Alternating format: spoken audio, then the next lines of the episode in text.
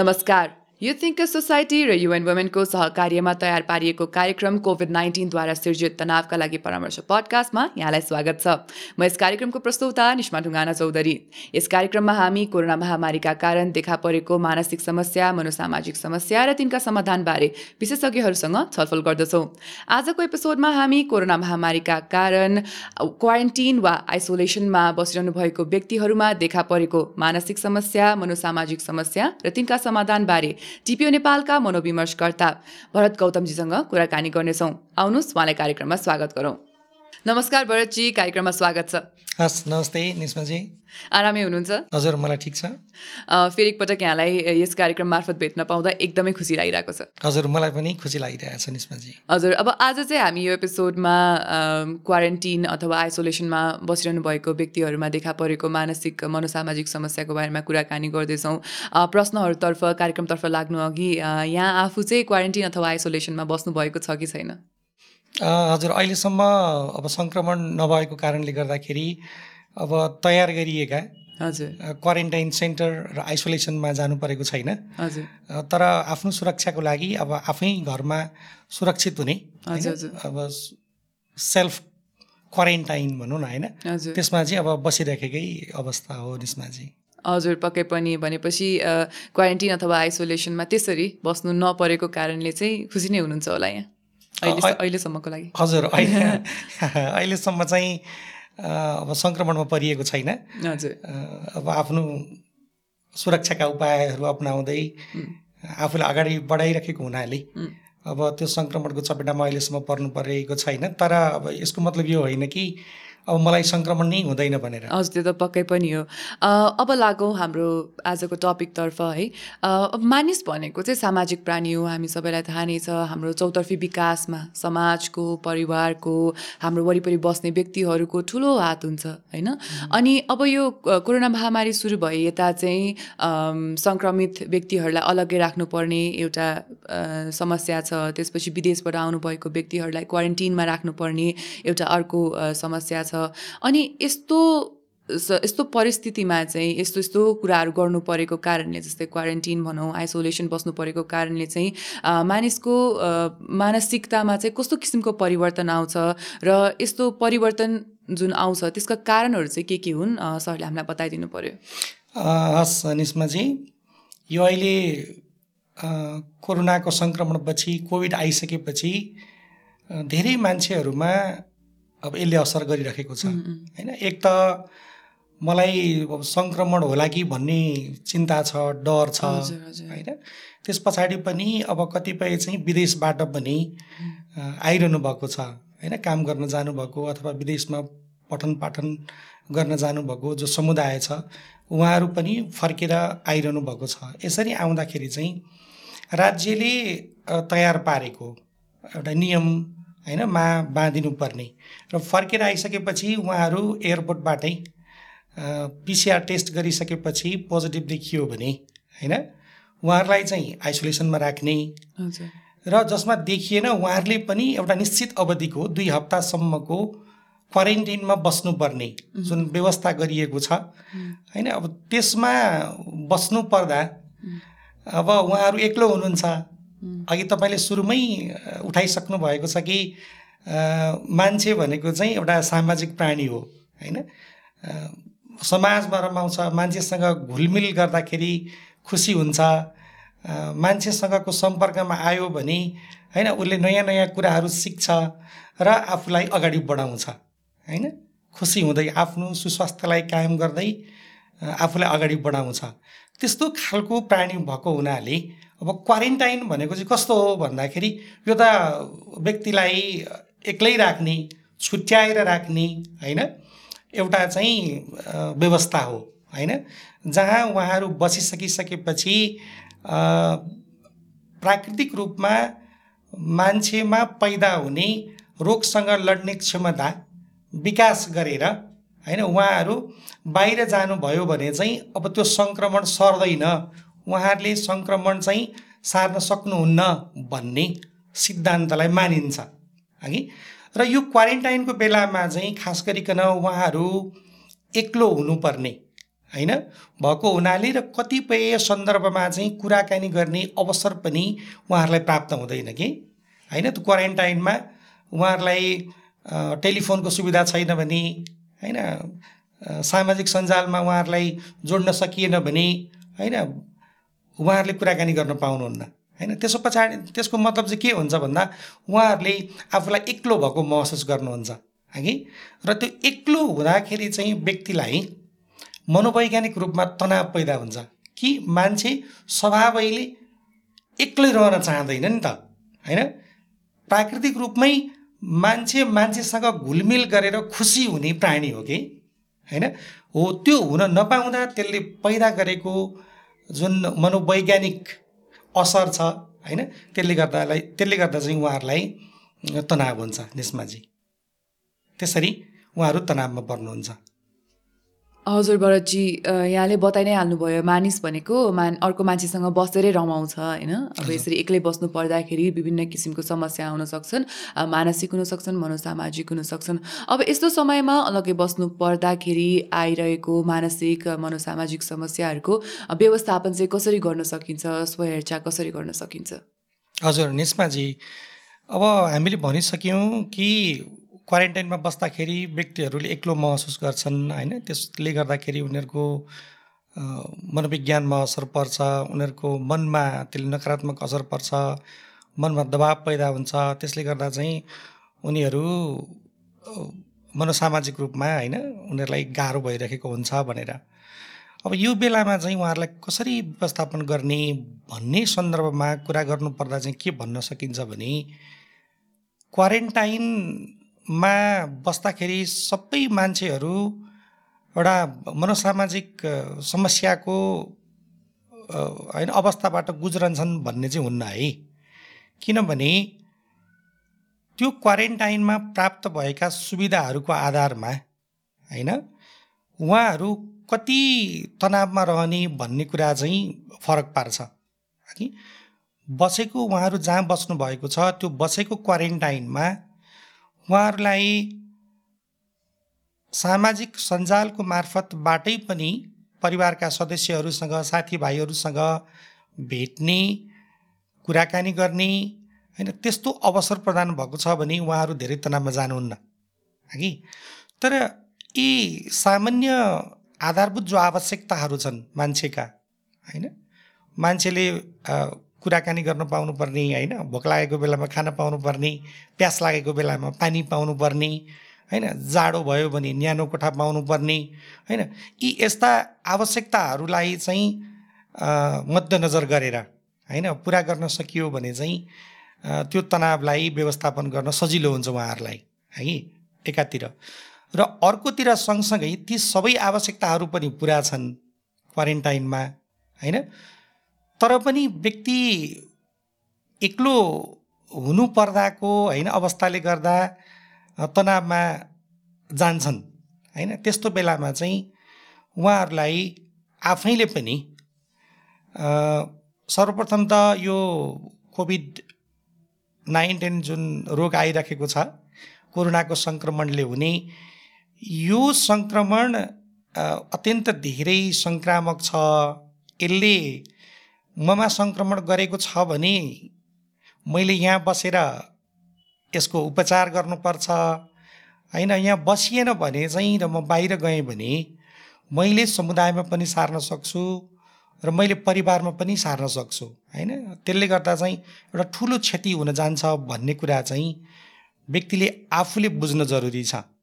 र कतिपय क्वारेन्टाइनमा बस्ने व्यक्तिहरू आफैले यो कुरा नबुझ्न पनि सक्नुहुन्छ। है त्यस्तो बेलामा चाहिँ हामीले उहाँहरूलाई मनोशिक्षा दिनुपर्छ।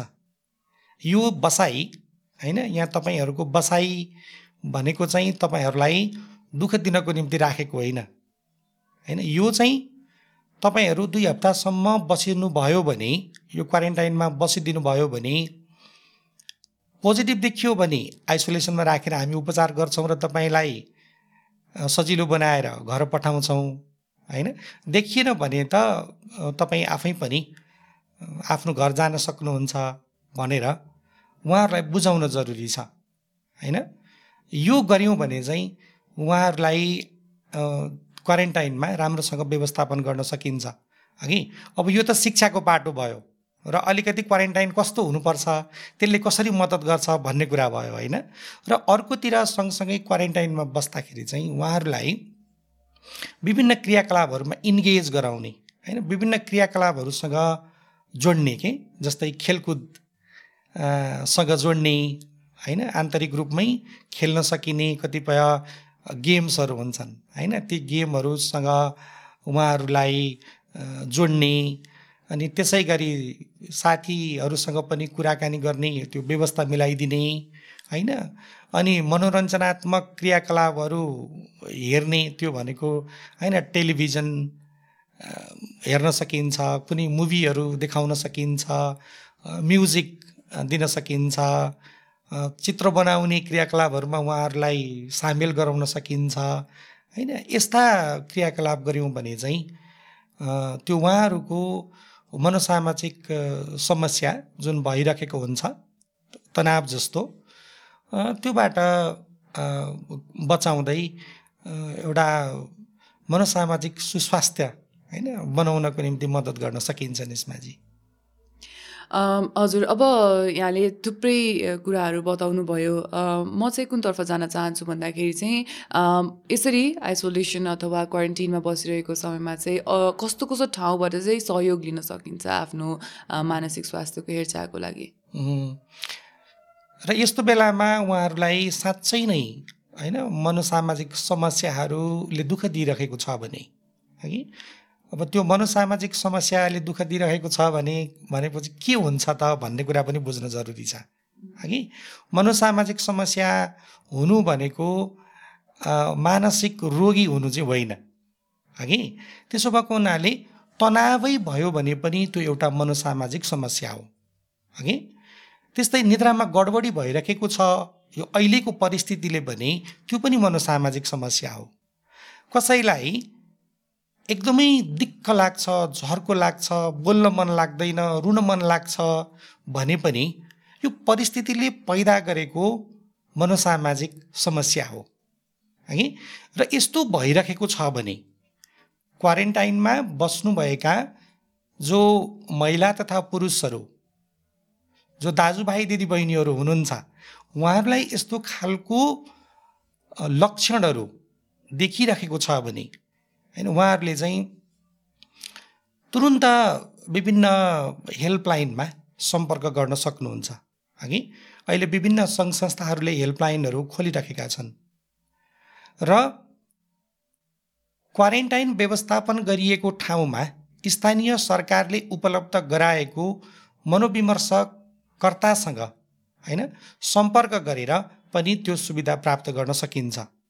र क्वारेन्टाइन व्यवस्थापन गर्न बस्नु भएका जो स्थानीय सरकारका जिम्मेवार व्यक्तिहरू हुनुहुन्छ जो जो त्यसको व्यवस्थापनमा खटिनु भएको छ उहाँहरूले क्वारेन्टाइनमा रहनुभएका व्यक्तिहरूमा अघि मैले भनेअनुसारका लक्षणहरू देखिएर समस्या भइरहेको पाइयो भने उहाँहरूले तुरुन्त हामी टिपिओ नेपाल जस्ता संस्थाहरूमा सम्पर्क गर्न सक्नुहुन्छ।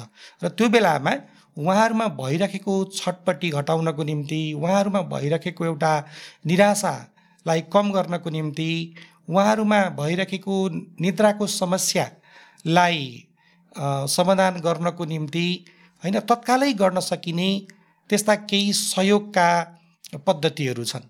होइन? ती कुराहरूलाई हामीहरूले उहाँहरूसम्म पुर्याउँछौँ। र उहाँहरूले यसरी मद्दत दिन सक्नुहुन्छ निस्माजी हजुर भरतजी अब यी सबै ठाउँबाट त उहाँहरूले सेवा लिन सक्नुहुन्छ। अघि नैको प्रश्नमा यहाँले बताउनु भएको थियो हामीले क्वारेन्टिन आइसोलेसन सेन्टरहरू जहाँ छन् त्यहाँनिर सेवाहरू राम्रो दियौँ भने चाहिँ त्यसले मानसिक स्वास्थ्यमा सहज गर्न सक्छ भन्ने कुरा बताउनु भएको थियो। हाम्रो टिमसँग पनि एकजना व्यक्ति जोडिनु भएको थियो। उहाँले आफ्नो नाम चाहिँ खुलाउन इच्छा गर्नु भएन तर उहाँले चाहिँ आफ्नो क्वारेन्टिन र आइसोलेसन सेन्टरमा बसेको अ, जति पनि अ, सेवा सुविधाहरू पाउनुभएको थियो त्यसको बारेमा हामीलाई बताउनु भएको थियो। अ, र त्यो चाहिँ अलिकति पीडादायी अलिक दुःखदायी भएको कुरा उहाँले हामीलाई बताउनु भयो होइन?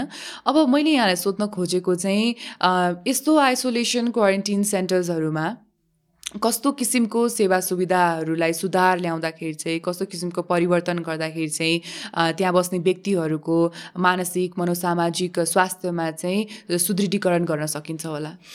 हजुर निस्माजी यहाँहरूले जुन उदाहरण राख्नु भएको छ है त्यस्तै मैले पनि यो आइसोलेसनमा बसेको साथीसँग कुराकानी गर्ने मौका पाएको थिएँ। र उहाँले भन्दै हुनुहुन्थ्यो कि उहाँहरूलाई जसरी राखिएको छ होइन? जुन खालको आइसोलेसन सेन्टर बनाएर उहाँहरूलाई एकान्तवासमा राखिएको छ त्यो एकान्तवासको बसाइ नै अलिकति तनावपूर्ण छ तनावयुक्त छ भनेर उहाँले पनि भनिरहनु भएको थियो। अनि त्यस पछाडि अब कसरी तनावयुक्त छ त भनेर हामीले प्रश्न गर्दाखेरि यहाँको जुन बसाइ छ होइन त्यो चाहिँ त्यति उज्यालो पनि छैन होइन? अनि जो हामीलाई जाँच गर्ने मान्छेहरू आउनुहुन्छ उहाँहरू टाइममा पनि आउनुहुन्न।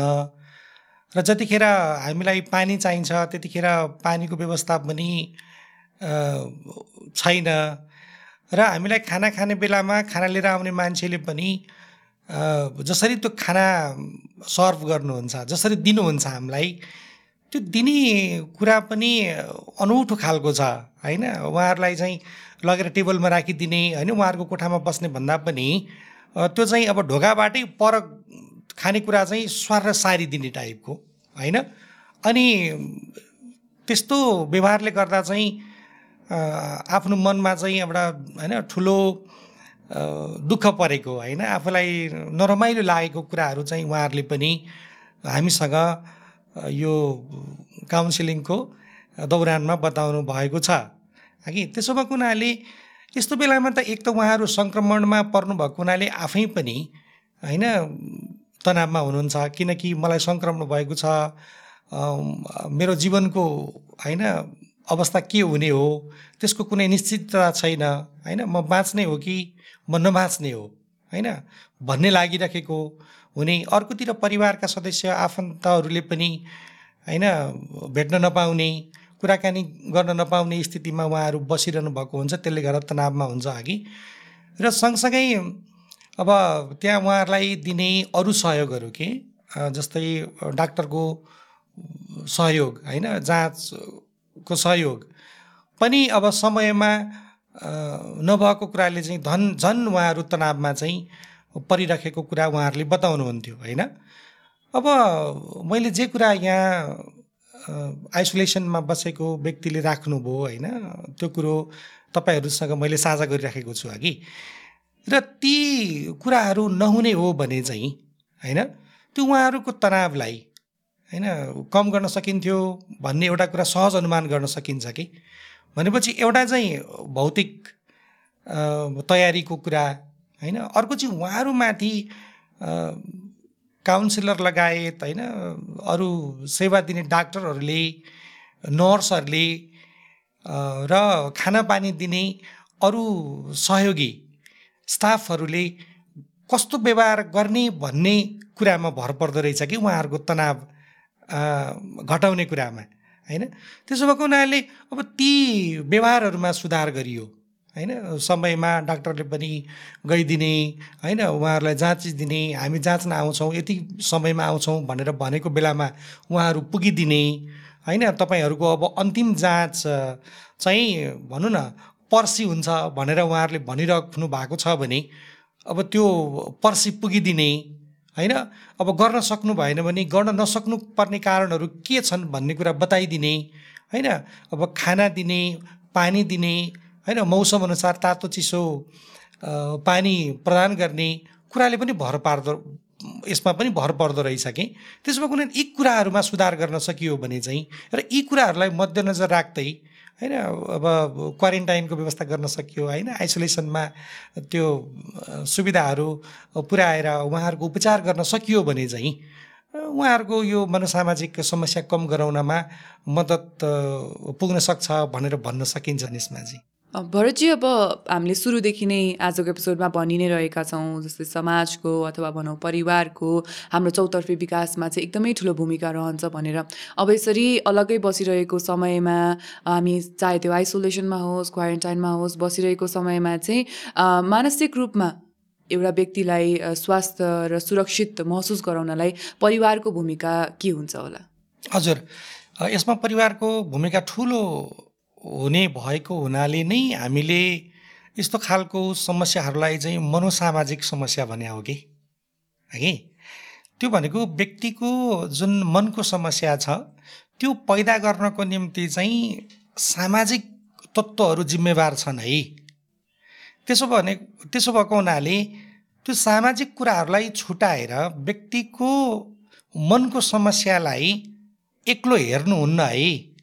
भनेर नै हामीले यस्ता खालका समस्याहरूलाई चाहिँ मनोसामाजिक समस्या भनेको हो। हगि त्यसो भएको हुनाले परिवार के हो त भन्दाखेरि व्यक्ति होइन जन्मने हुर्कने बढ्ने पढ्ने होइन र सम्पूर्ण रूपमै परिवारमा निहित हुन्छ।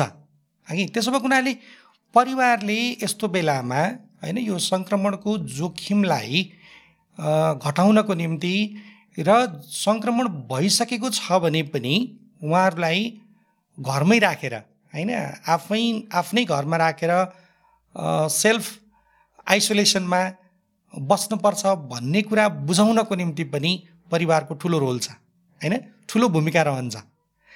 त्यसमा परिवारका सदस्यहरूले कोही सङ्क्रमणमा पर्नुभयो भने होइन यो सङ्क्रमणमा पर्नु चाहिँ होइन ठुलो कुरा हो जस्तो गरेर होइन एकदमै कोकोहोलो मचाउने भन्दा पनि होइन यो कोरोनाको सङ्क्रमण भएको छ तर आइसोलेसनमा बस्यो भने ठिक हुन्छ भन्ने जस्ता कुराहरू चाहिँ सङ्क्रमित व्यक्तिलाई होइन बताइदिनुपर्छ। परिवारमा सङ्क्रमण नभएका व्यक्तिहरू नै बढी चिन्तित देखिनुभयो तनावमा देखिनुभयो भने सङ्क्रमण भएको व्यक्तिमा तनाव झन बढ्छ। हगि र व्यक्तिमा तनाव धेरै नै बढ्यो भने त्यो सङ्क्रमण निको हुने समय झन बढ्न सक्छ। हगि जति कम तनाव त्यति छिटो रोगसँग लड्ने क्षमता निर्माण हुने प्रक्रिया। अब यसको चाहिँ सम्बन्ध यस्तो छ। त्यसो भएको हुनाले त्यो तनावलाई कम गराउनको निम्ति परिवारका सदस्यहरूले यसरी आइसोलेसनमा सेल्फ आइसोलेसनमा बस्नु पनि तिम्रो आफ्नै लागि त ठिकै छ राम्रै छ तर परिवारमा अरूसँग सङ्क्रमण नजाओस् भन्नका लागि पनि यो धेरै महत्त्वपूर्ण कुरा हो भनेर चाहिँ बुझाउनुपर्छ भन्नुपर्छ। अब यो भन्दा व्यक्ति रिसाउला होइन व्यक्तिले नराम्रो मान्ला होइन नराम्रो ठानेर ऊ झन् दुखी होला भनेर हामीले यस्तो कुरा भनेनौँ भने चाहिँ होइन व्यक्तिलाई मद्दत गर्दैन कि? सजिलो हुनको निम्ति। भन्दै र गर्दै होइन गरिने कुराले चाहिँ सजिलो बनाउँछ कि? र अन्तत्वगतमा परिवारको पनि सुरक्षा हुन्छ र व्यक्ति पनि सङ्क्रमणबाट सजिलै बाहिर निस्कन सक्नुहुन्छ। हगि यो घरको सन्दर्भमा कुरा गर्दा हगि अब बाहिर क्वारेन्टाइनमा बस्नु परेको र आइसोलेसनमा जानु परेको स्थितिमा पनि उहाँहरूलाई पनि सम्बन्धित व्यक्तिहरूले यो कुरा भन्न जरुरी छ कि? होइन? जस्तै मनोविमर्शकर्ताहरू हुनुहुन्छ भने उहाँहरूले नै यो कुरा बताउन जरुरी छ। उहाँहरूलाई भनिदिन जरुरी छ। जसले गर्दा उहाँहरूलाई चाहिँ त्यो एउटा आत्मविश्वास हुन्छ नि आफूप्रतिको। म ठिक हुन्छु मैले यो बस्नुपर्छ। मैले मेरो लागि पनि यो मेरो परिवारको लागि पनि यो बसिराखेको छु भन्ने कुरा बढ्छ। हगि र यहाँहरू सबैलाई थाहा छ यसमा चाहिँ क्वारेन्टाइनको यसमा चाहिँ भाइरसको सङ्क्रमण होइन छिटो कम गर्नको निम्ति र त्यो सङ्क्रमणबाट बाहिर निस्कनको निम्ति चाहिँ व्यक्तिमा आत्मविश्वास जति बढ्यो होइन त्यति राम्रो। आत्मविश्वास जति घट्यो त्यति सङ्क्रमणले पेल्ने। होइन? सङ्क्रमणले चाप्ने होइन? सम्भावना रहन्छ। है? त्यसो भएको हुनाले यसमा परिवारको पनि ठुलो महत्त्व छ होइन? र जहाँ उपचार हुन्छ त्यो पनि समाजकै एउटा अङ्ग हो होइन? अस्पतालमा उपचार भइराखेको छ भने पनि त्यो अस्पताल समाजभित्रै छ होइन? कुनै अरू बनाइएका क्वारेन्टाइन र आइसोलेसन सेन्टरहरूमा उहाँहरूको उपचार भइराखेको छ भने त्यो पनि समाजकै एउटा अङ्ग हो। होइन त्यसो भएको हुनाले त्यसको व्यवस्थापनमा खटिनुभएका मान्छेहरूले चाहिँ यो कुरो राम्रोसँग सङ्क्रमित व्यक्तिहरूलाई बुझाउन सकिन्छ कि? होइन त्यसो भएको हुनाले यो सामाजिक जुन महत्त्व भन्यौँ हामीले होइन यसको नियन्त्रणमा एकदमै ठुलो छ भनेर बुझ्न सकिन्छ निस्माजी। भरतजी अब हामीले क्वारेन्टिन आइसोलेसन यस्तो अवस्थामा बसेको क्रममा चाहिँ मनोसामाजिक परिवर्तन आउने भावनात्मक परिवर्तन आउने कुराकानी त गरि नै सक्यौँ होइन? अब त्यहाँबाट बाहिर निस्केपछि भनौँ क्वारेन्टिन अथवा आइसोलेसनबाट फेरि पहिला केही समयमा बाहिर निस्किँदाखेरि चाहिँ यस्तो समस्याहरू सा मनोसामाजिक समस्याहरू अथवा भावनात्मक परिवर्तनहरू के सँगसँगै बाहिर निस्किन्छन् कि क्वारेन्टिन र आइसोलेसन बस्दा मात्रै त्यो समस्याहरू हुन्छन्? हजुर निस्माजी भावनात्मक समस्याहरू हुनका लागि अरू केही कारणहरू हुँदो रहेछन् भनेर हामीले चर्चा गरिसक्यौँ है। र ती कारणहरू चाहिँ व्यक्ति आफैमा मात्रै होइन बाहिर समाजमा छन् है। होइन? सामाजिक तत्त्वहरू हुन् है तिनीहरू। त्यसले गर्दा व्यक्तिलाई मनोसामाजिक रूपमा मनोसामाजिक समस्या बनाउनको निम्ति तिनीहरूले मद्दत गरिरहेका हुन्छन् भनेर हामीले चर्चा गरिसकेपछि अब यो क्वारेन्टाइनमा बस्दा चाहिँ हुने होइन? र त्यहाँबाट बाहिर गइसकेपछि नहुने यस्तो चाहिँ हुन्न कि? होइन? क्वारेन्टाइनमा बसेको बेलामा उहाँहरूलाई तनावमा लाने सामाजिक तत्त्वहरू के छन् त? भन्दा उहाँहरू एक्लो होइन? हुनुपर्ने अवस्था त्यसको व्यवस्थापन होइन? अनि त्यसको अब उपचार कसरी गरियो भन्ने कुरामा भर पर्दो रहेछ होइन? अब बाहिर गइसकिसकेपछि पनि त्यो बिचमा उहाँहरूले कतिपय व्यवहारगत होइन समस्याहरू पनि त्यहाँ विकास हुन सक्छन् कि डरको कारणले गर्दाखेरि होइन? अब यो छिटै सर्छ भनेर पटक पटक चाहिँ हात धोइरहनु पर्ने होइन अनि सेनिटाइजर लगाइरहनु पर्ने होइन? कुराले गर्दाखेरि चाहिँ त्यो एउटा बानीको रूपमा विकास भएको हुनसक्छ कि? होइन? र त्यो बानी चाहिँ अब बाहिर गइसकेपछि पनि चौध दिनको बसाइपछि अथवा उपचार गरेर बाहिर गइसकेपछि पनि त्यो बानी चाहिँ दोहोरिन सक्छ कि? त्यो गरिन भने चाहिँ ऐ मलाई फेरि सङ्क्रमण भइहाल्छ कि? भन्ने सोचाइहरू आउने। हजुर निस्माजी त्यो उपचारको क्रममा उहाँहरूलाई कसरी उपचार गरियो भन्ने कुराले चाहिँ होइन पछाडि निस्किसकेर उहाँहरू बाहिर गइसकेपछि पनि होइन त्यसको असर आउने या नआउने भन्ने कुरामा भर पर्छ कि? उपचारको क्रममा त्यो उपचार चाहिँ एकदमै भनौँ न यातना जस्तो बन्यो होइन। उहाँहरूलाई दुःख दिए जस्तो लाग्दै उहाँहरूले उपचार पाउनुभयो भने चाहिँ पटक पटक त्यसका चित्रहरू बाहिर गइसकेपछि पनि आउने होइन? त्यसका विचार नरमाइलो लागेका विचारहरू पनि आउने र बाहिर गइसकेपछि पनि त्यो विचारले उहाँहरूलाई दुःख दिने होइन? शारीरिक रूपमै उहाँहरूभित्र बस्दैखेरि पनि जस्तो खालको प्रतिक्रिया शरीरले देखाउँथ्यो होइन? जस्तै श्वास छिटो छिटो चल्ने हुन्थ्यो होला अथवा चिटचिट पसिना आउने हुन्थ्यो होला मुटुको ढुकढुक बढ्ने हुन्थ्यो होला होइन? त्यो कुरा चाहिँ बाहिर आइसकेपछि पनि देखिने के? हो त्यस्तो समस्याहरू चाहिँ देखिन सक्छ हगि? र अर्को अर्कोतिर चाहिँ के कुरा भन्न सकिन्छ भने जस्तै उहाँहरू क्वारेन्टाइनमा त बस्नुभयो होइन? उपचार गरेर बाहिर फर्किनुभयो। यसको अर्थ यो होइन कि अब उहाँहरूलाई कहिले मनोसामाजिक समस्या हुँदैन भनेर हगि किनभने बाहिर आइसकेपछि पनि निरन्तर उहाँहरूलाई अ, दुःख दिने अ, विभिन्न प्रकारका स्टिमुलसहरू के जसलाई हामीले चाहिँ उद्दीपकहरू पनि भनेर भन्छौँ त्यो समाजमा भइरहेका हुन्छन्। होइन? र ती उद्दीपकहरू उहाँहरू अ, मा होइन? त्यो उद्दीपकहरूमा उहाँहरू पुनः जोडिनुभयो भने होइन? पुनः उहाँहरू त्यसको नजिक आउनुभयो भने फेरि त्यस्ता खालका व्यवहारहरू चाहिँ दोहोरिन सक्छन् यसमा भरतजी अब हामी हाम्रो कार्यक्रमको अर्को भागतर्फ लाग्नेछौँ जसमा हामी तथ्य वा अफवाहको खुलासा गर्दछौँ। अब अहिले कोरोना महामारी सुरु भए यता हाम्रो समुदायमा थुप्रै किसिमको चर्चाका विषयहरू उठेका छन्। तीमध्ये कुनै चाहिँ सत्य हुन्छन् भने कुनै चाहिँ अफवाह हुन्छन् झुटो हुन्छन् त्यसै फैलिरहेको हुन्छ समाजमा। जस्तै अहिले म जुन विषयको बारेमा कुरा उठाउँदैछु त्यो चाहिँ कोभिड नाइन्टिनबाट सङ्क्रमित व्यक्ति चाहिँ कहिले पनि यो रोगबाट निको नै हुनुहुन्न भन्ने किसिमको कुराहरू पनि हाम्रो समुदायमा आइरहेको छ। के यो कुरा सत्य हो वा अफवाह? हजुर निस्माजी यो चाहिँ अफवाह नै हो किनभने विश्व स्वास्थ्य सङ्गठनले पनि कोभिड नाइन्टिन चाहिँ अब यो सङ्क्रमण भइसके पछाडि यसको असर कम हुँदै जाने होइन? र व्यक्ति पहिलेकै अवस्थामा फर्केर सामान्य काममा लाग्न सक्ने रोग हो भनेर भनेको छ कि?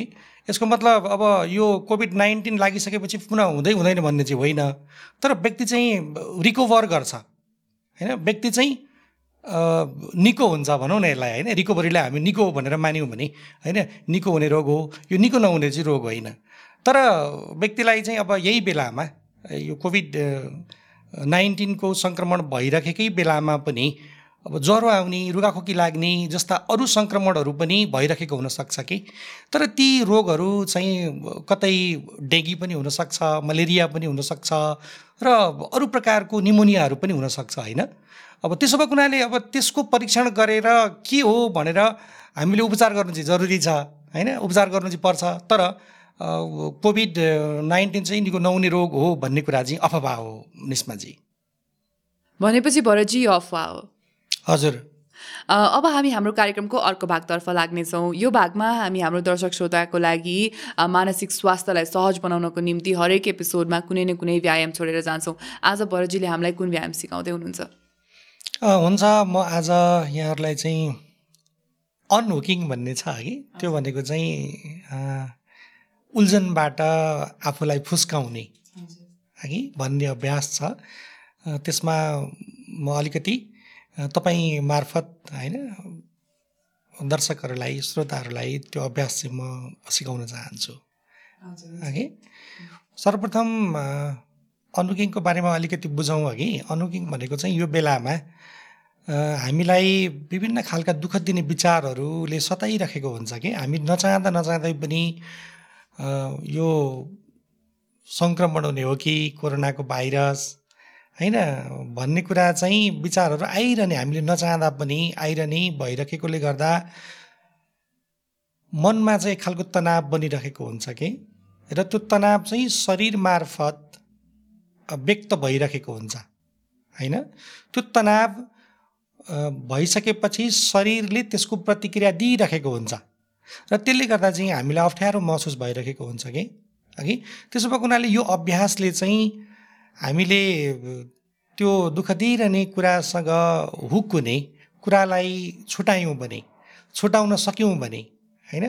त्यो शरीरको अप्ठ्यारो हुने जुन प्रतिक्रिया छ त्यो चाहिँ हराउँछ र व्यक्तिले आराम महसुस गर्छ हगि त्यो अभ्यास गरौँ। यसलाई चाहिँ अब उल्झनबाट फुस्कने अभ्यास भनेर पनि भन्न सकिन्छ। त्यसको लागि सजिलो गरी बसौँ। सर्वप्रथम। र एक दुईचोटि हामी लामो श्वास लिएर छोडौँ।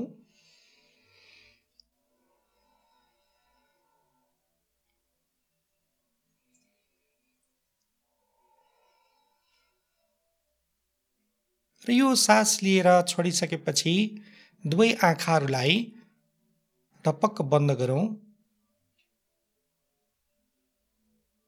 र आँखा बन्द गरिसकेपछि हाम्रो दिमागमा के सोच आइरहेको छ त्यसलाई मसिनो ढङ्गले निहालौँ। मेरो मन के कुरामा गर अड्किरहेको छ? त्यसलाई चाल पाऊँ। त्यो कुनै नसकिएको काममा हुनसक्छ। कोरोनाको सङ्क्रमणमै पनि हुनसक्छ। अथवा अरू के विचारहरूले आफूलाई अड्काइराखेको छ भन्ने कुरा चाल पाऊ।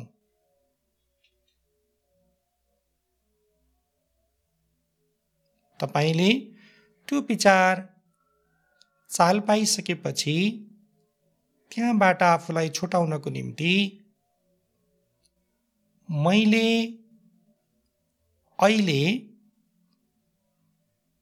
श्वास भित्र लिइराखेको छु भनेर मनमा नै भन्दै श्वास भित्र गएको चाल पाउनुहोस् र श्वास छोड्दा मेरो श्वास बाहिर गइराखेको छ भनेर मनमा नै भन्दै श्वास बाहिर गइराखेको चाल पाउनुहोस्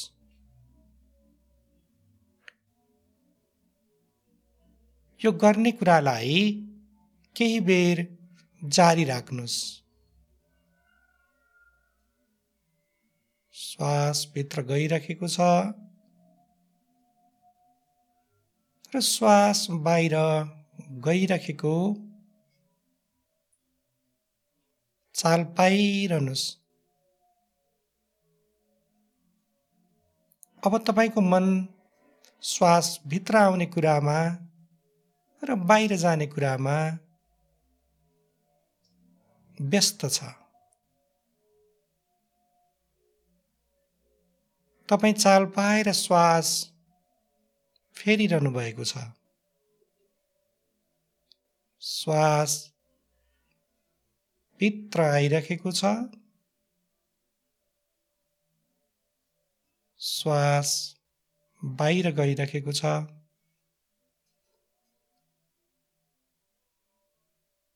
र यो अवस्थामा तपाईँले चाल पाउनुहुन्छ कि? अब अघि तपाईँलाई सुरुमा कुन विचारमा तपाईँ अड्किरहनु भएको छ भनेर देखिएको विचारबाट तपाईँको मन खुस्किएर श्वास आउँदै गरेको र जाँदै गरेको प्रक्रियामा लागिसकेको छ। यो प्रक्रियालाई अझै केही बेर हुन दिनुहोस्